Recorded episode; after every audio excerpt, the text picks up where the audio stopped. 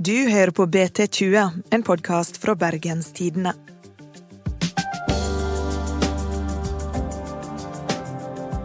Om vi skal holde det vi har lovt, må Norge halvere klimautslippene sine innen 2030.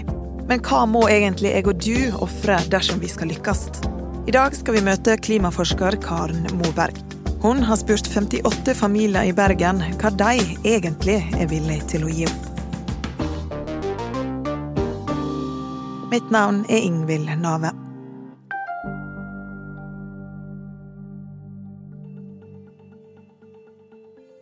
All forskning leder til samme konklusjon.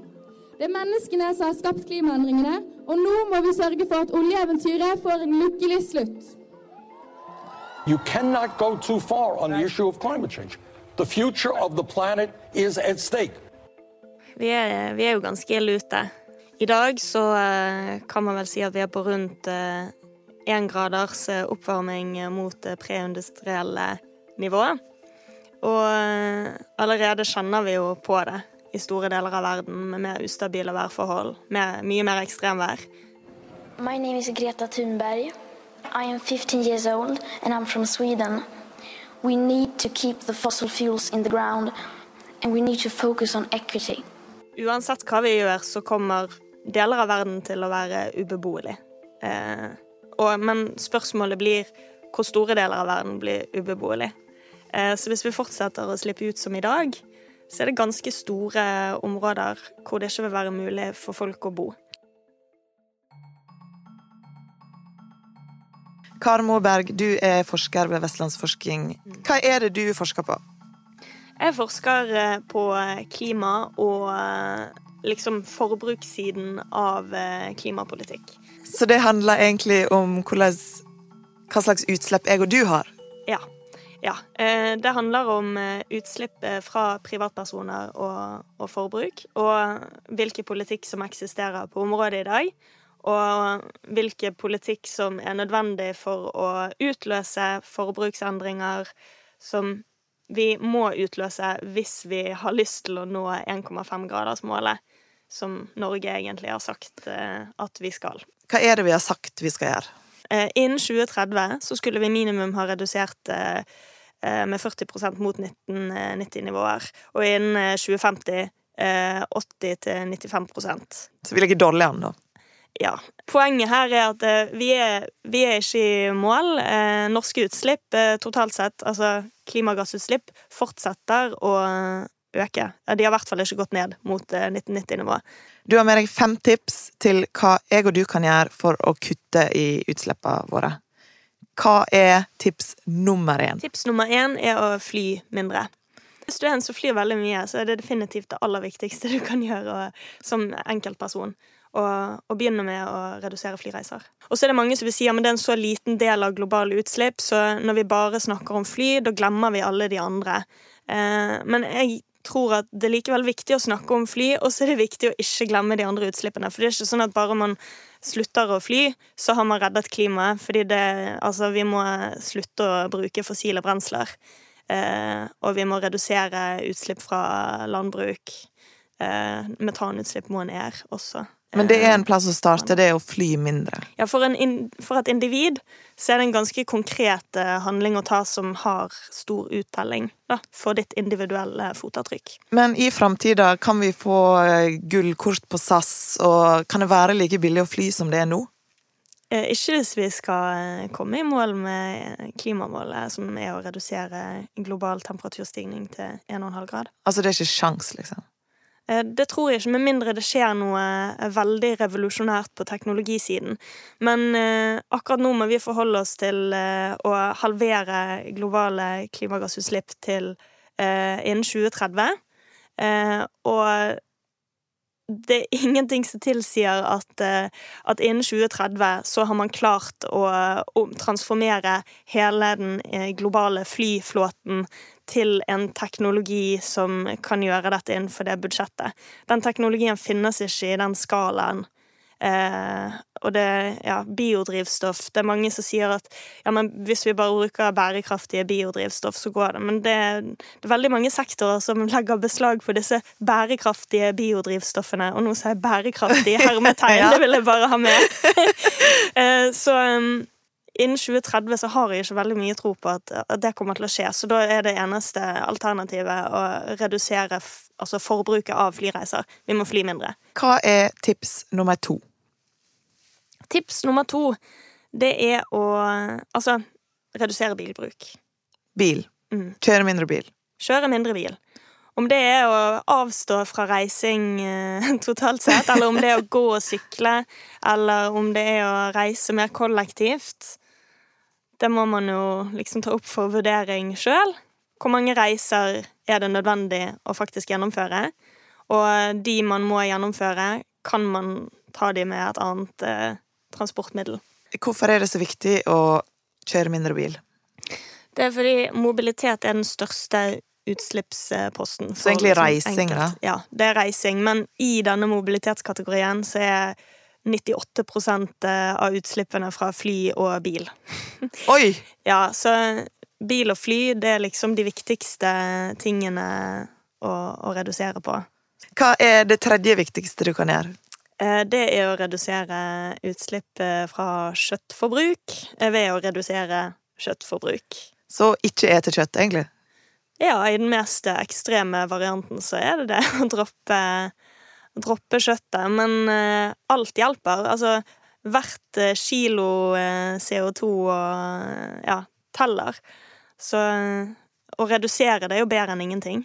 Klimamessig, bare klimamessig, så er det liksom Det aller viktigste er rødt kjøtt, men altså det aller beste er en stor, i større grad plantebasert eh, diett. Fordi her er det det ikke bare de direkte utslippene, men vi har også med de indirekte utslippene som kommer fra eh, ja, fôrproduksjon. Altså dette hva det koster å på en måte fôre opp eh, disse dyrene for på en måte klimaet. da. De må jo ete, de òg. De må ete, de òg. Og sånn, eh, det er vel litt av grunnen til at eh, kylling kommer ut eh, relativt bedre enn eh, eh, ja, storfe. Fordi at eh, livet er så kort. Hvor mye utslipp er det av kjøtt? Ja, når eh, vi ser på eh, altså tallet fra, fra Hope, da, fra dette prosjektet som, eh, som vi egentlig snakka litt om, så utgjorde altså bare matkategorien ca. 30% av klimafotavtrykket til husholdningene. Og inni der så er kjøtt en ganske stor en stor del. Hva er tips nummer fire, da? Tips nummer fire det er å redusere energiforbruket i boligen. Det, det billigste alternativet det er å bare ta ned eh, temperaturen innendørs. Og droppe å bruke eh, klimaanlegg om sommeren. Er det andre ting du kan gjøre? Eh, ja, eh, men da kommer man opp i at det kanskje koster litt mer. Fordi her er det jo, hvis du skrur ned temperaturen, så koster det bare å gå med genser og sokker eh, inne. Kanskje droppe shortsen og T-skjorten om vinteren. Eh, men eh, ja, man kan investere i mer effektive oppvarmingssystem enn hva man har til dagen. Er det varmepumpe, for eksempel, og sånne ting? Ja, det kan være én variant hvis utgangspunktet ditt er oljefyr. Ja. For eksempel. Um, det aller beste du kan ha, det er jo kanskje å ha sånn solfanger som eh, varmer opp eh, vann som da sirkuleres eh, i boligen. Er det mange som har det? Nei, det tror jeg ikke at det er. Men eh, det finnes støtteordninger for å innføre det, selv om det vi fant ut i vårt eh, eh, prosjekt da når vi snakket med husholdninger, det er at støtteordningene er ikke gode nok til å utløse investeringen. At folk kjøper det? Ja. Altså Når man snakker om solenergi, så er det på en måte to hovedteknologier. Du har solcellepaneler som genererer elektrisitet. Og så har du solfangere som på en måte varmer opp eh, vann. Så det kan brukes til liksom oppvarming av varmt vann og oppvarming av bolig. da. Hva er det siste tipset du har med deg? Det siste tipset det er å um, kjøpe større andel av lokal og økologisk og eh, sesongkorrekt eh, mat. Fordi da reduserer man eh, altså behovet for å transportere ting i frossen tilstand over lange distanser. Det er ganske energikrevende. Men også kanskje frysedisken i butikkene, som også krever eh, energi. Og holde ting kaldt. Da har eh, maten reist over kortere distanser, eh, som regel. Så støtt din lokale bonde, egentlig. Ja. Nå har vi fått fem tips fra deg. Spørsmålet er Du har jo intervjua disse 58 familiene. Mm. Var de villige til å gjøre disse tinga? Klimamonopolet var delt inn i to runder. Så den første runden, den var frivillig. I snitt um, så hadde husholdningen eh, da klart å redusere med rundt 25% Er det nok? Nei, det var ikke nok. Eh, fordi tidsperspektivet her var 2030, som er denne, dette magiske året man snakker om eh, når man snakker om 1,5-gradersmålet. Det er da vi skal kutte halvparten av alle utslipp over det? Ja, det er da vi skal helst ha halvert eh, alle klimagassutslipp. Så derfor brukte vi det samme målet på husholdningsskalaen, da. Og de klarte bare Mer eller 25 Ja, så da kom det en eh, ny runde av klimaspillet hvor vi ble litt streng. Og eh, hvor de fikk beskjed om at eh, nå skal dere forestille dere at myndighetene tvinger dere. Nå må dere kutte med 50% Vi gir oss ikke før dere er i mål. Ehm, hva vil du gjøre? Man kom egentlig ikke utenom å kutte i flyreiser. Og man kom ikke utenom å kutte i bilreiser. Man kom heller ikke utenom å legge om kostholdet mot mer plantebasert, mer sesongkorrekt, mer lokalt, mer økologisk. Eh, og man kom heller ikke utenom å gjøre noe med ja, eh, energibruken i boligen. Så det var kutte innetemperaturen, oppgradere oppvarmingssystemet, kanskje energieffektivisere boligen hvis den ikke var maksimalt isolert og hadde effektive vinduer og alt dette. Så det holder ikke å gjøre én ting. Nei. Du må gjøre alle disse fem tipsene egentlig om vi skal komme i mål. Ja, det, det måtte husholdningene som deltok i vår studie, gjøre. Hva var det disse familiene var minst villige til å kutte? De var nok minst villige til å, å kutte i flyreiser. Eh, ja. Men, eh, men når de ble tvunget til å halvere fotavtrykket sitt, så, så kom man egentlig ikke utenom å, å kutte i flyreiser. Eh, og det, det så de jo. Og det var jo derfor at de valgte det. Og i ettertid så intervjuet vi en undergruppe av husholdningene som hadde deltatt. Eh, hvor vi stilte de mer sånn nærgående spørsmål om alt de hadde gjort. Og, og der var noe av det som var ganske sånn hyppig sagt rundt eh, flyreiser. Det var at um, de var for det første ikke klar over hvor ille det var å fly. Men det andre var at det er jo sånn transportsystemet er lagt opp. Eh, Det er jo mye billigere å fly enn å, reise med alternative transportmidler. Og det tar mye kortere tid, og så videre. Da blir det liksom et enkelt valg. Så for at de faktisk skulle implementere, eller se for seg, og i virkeligheten etter klimaspillet, gå ut og, og kutte i flyreisene sine, i lik grad med det de hadde sagt i klimaspillet at de skulle gjøre, hvis de skulle liksom oppnå målet satt der, så, eh, så må det enten bli så dyrt at det på en måte blir en umulighet, eller så må det ja, eh, ikke være mulig å fly. altså det, det må være mindre avganger, og det kan være, da kan du liksom tenke deg en kvoteordning eller en sånn restriksjon på hvor mange flyavganger som, som faktisk skjer. Um, ja, men det, det må i hvert fall bare bli så vanskelig at man ikke lenger kan gjøre det. Og samtidig så må liksom alternativene bygges opp, sånn som Tog, for eksempel. togtilbudet. Ja. Det jeg lurer på, er jo Har det egentlig noe å si hva jeg som enkeltperson gjør for klimautslippene våre? Altså, globale klimautslipp er jo en sum av alle handlinger til alle folk og alle eh, industrier og bedrifter videre. Alt henger jo sammen i system. Eh, når vi ser på forbruk og liksom individuelt forbruk, så er jo på en måte utslippene fra ting som produseres i verden, på et eller annet tidspunkt så er det veldig stor andel av de som fanges opp i husholdningsforbruket. Eh, I liksom dine valg som forbruker, da. Du teller fordi at du er én i et hav av mange, hvor liksom summen av alle handlingene teller. Eh, og så ser man jo at eh, ofte at hvis noen begynner å liksom implementere en endring, liksom en holdningsendring eller hva som helst, så på et eller annet tidspunkt så følger ofte folk etter. Sånn at vi kan påvirke andre i måten vi oppfører oss på? Egentlig. Ja, og jeg tror dette var noe som uh, de vi intervjuet her i Bergen, uh, faktisk påpekte litt. At de kunne noen ganger merke endring i, i liksom omgangskretsen sin òg, hvis de pratet om ting, og de begynte liksom å implementere endringer og sånn, så kunne det jo bli en, et samtaleemne i vennegruppen, og at folk blir bevisstgjort og kanskje følger etter, det.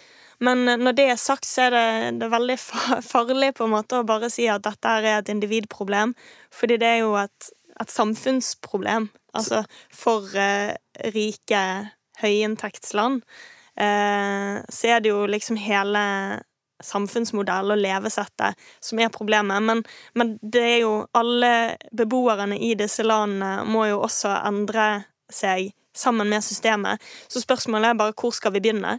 Fordi akkurat nå så ser man jo kanskje ikke en uh, veldig ambisiøs klimapolitikk. Eh, og da er det kanskje sånn Kan vi, imens vi venter på at den kommer, i hvert fall gjøre noe? og vise til politikerne at vi er klar for, eh, for at dere tar dette seriøst nå. Hva vil være de topp tre viktigste politiske tiltakene for å få ned klimautslippene for deg nå? Siden vi vet at det er fossile brensler som er den største driveren av eh, klimaendringene, så vil nummer én være å å droppe videre oljeleiting og utvikling av nye felt og begynne å trappe ned de vi har, og da samtidig investere i liksom alternativer i mye større grad enn hva vi gjør i dag. Nummer to, da? Nummer to er å virkelig gjøre noe ambisiøst på transportsiden. Fordi når man går ned og liksom ser på utslippene for Norge, så er liksom transportsektoren, og også globalt, en veldig, veldig, veldig viktig post å gjøre noe med. Så det blir å investere i alle alternativene som ikke er eh, bil og fly. Egentlig. Nummer tre, da? Nummer tre det er å gjøre noe drastisk på, på matproduksjonssiden, altså på matpolitikken. Eh, og sånn at vi liksom kan legge om til mer plantebasert eh, kosthold for å kutte klimagassutslipp. Alt dette må jo ses i lokal sammenheng og være tilpasset lokale forhold. Norge har jo kanskje mindre dyrkbare jordareal enn andre land, men samtidig så handler det litt om hvordan disponerer vi de jordarealene vi har, hva dyrker vi der? Og i hvor stor grad kan vi øke andelen plantebasert eh, proteindyrking versus eh, ja, den mer eh, ressursintensive eh, proteinformen som er kjøtt. Tror du egentlig vi har sjanse til å nå halveringsmålet innen 2030? Ja, det er teknisk mulig. Og det gjør at jeg blir veldig håpefull, eh, fordi det betyr at eh, vi er jo ikke i nærheten av å gjøre alt vi vet at vi kan gjøre, så nå må vi bare ut og gjøre det. Og det er en politisk utfordring, og da må vi bruke stemmeretten vår. Og politikerne må også eh, reise seg til utfordringen og, og ta det alvorlig. Og kutte utslipp hjemme i Norge og hjelpe andre land med å gjøre det samme. Det var ukas episode av BT20. Neste uke så tar vi en kort ferie, men vi er tilbake med en ny episode 8. august. Ha en god sommer, og sjekk gjerne ut vår nye lydapp BT Lytt. Produsent er Henrik Svanevik. Og mitt navn er Ingvild Nave.